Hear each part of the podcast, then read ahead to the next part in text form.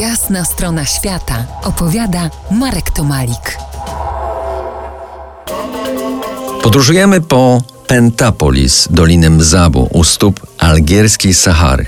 Beni Izguen, najlepiej strzeżony ze wszystkich grodów Pentapolis, najmocniej oparł się asymilacji ze społecznościami z zewnątrz. Mieszkający tam Ibadyci są umiarkowanym odłamem muzułmańskiego ugrupowania Harydżystów o usposobieniu nomadów. Do dziś jego wyznawcy przetrwali w Omanie i w niektórych państwach Magrebu.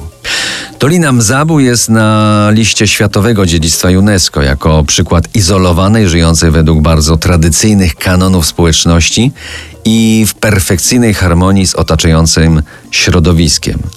Okalający wioski mur nie jest reliktem przeszłości. Chroni przed obcymi. Turysta ma prawo wejść tylko w obecności wynajętego przewodnika i opuścić osadę przed zmrokiem. To właśnie wtedy zamykane są wrota wioski. Jak w średniowiecznej Europie.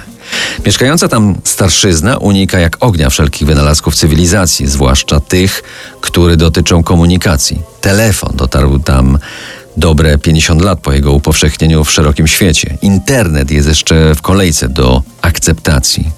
Obowiązuje całkowity zakaz picia alkoholu i palenia papierosów.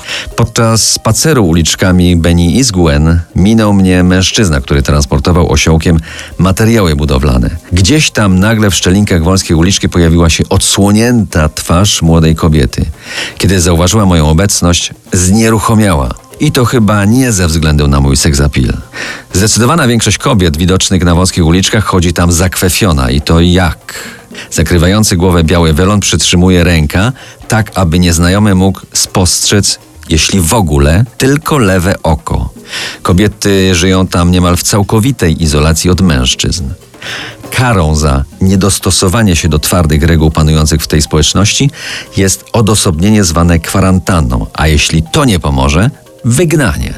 Taka osoba traci prawa obywatelskie, w sklepie nie jest obsługiwana, jeśli ma własny sklep, nikt od niej nie kupuje, jeśli wychodzi za mąż, nikt nie przyjdzie na ślub, a jak umiera, nie otrzymuje islamskiego odpowiednika ostatniego namaszczenia.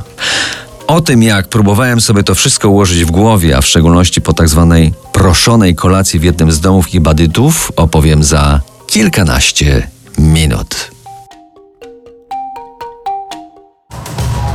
To jest jasna strona świata w RMS Classic.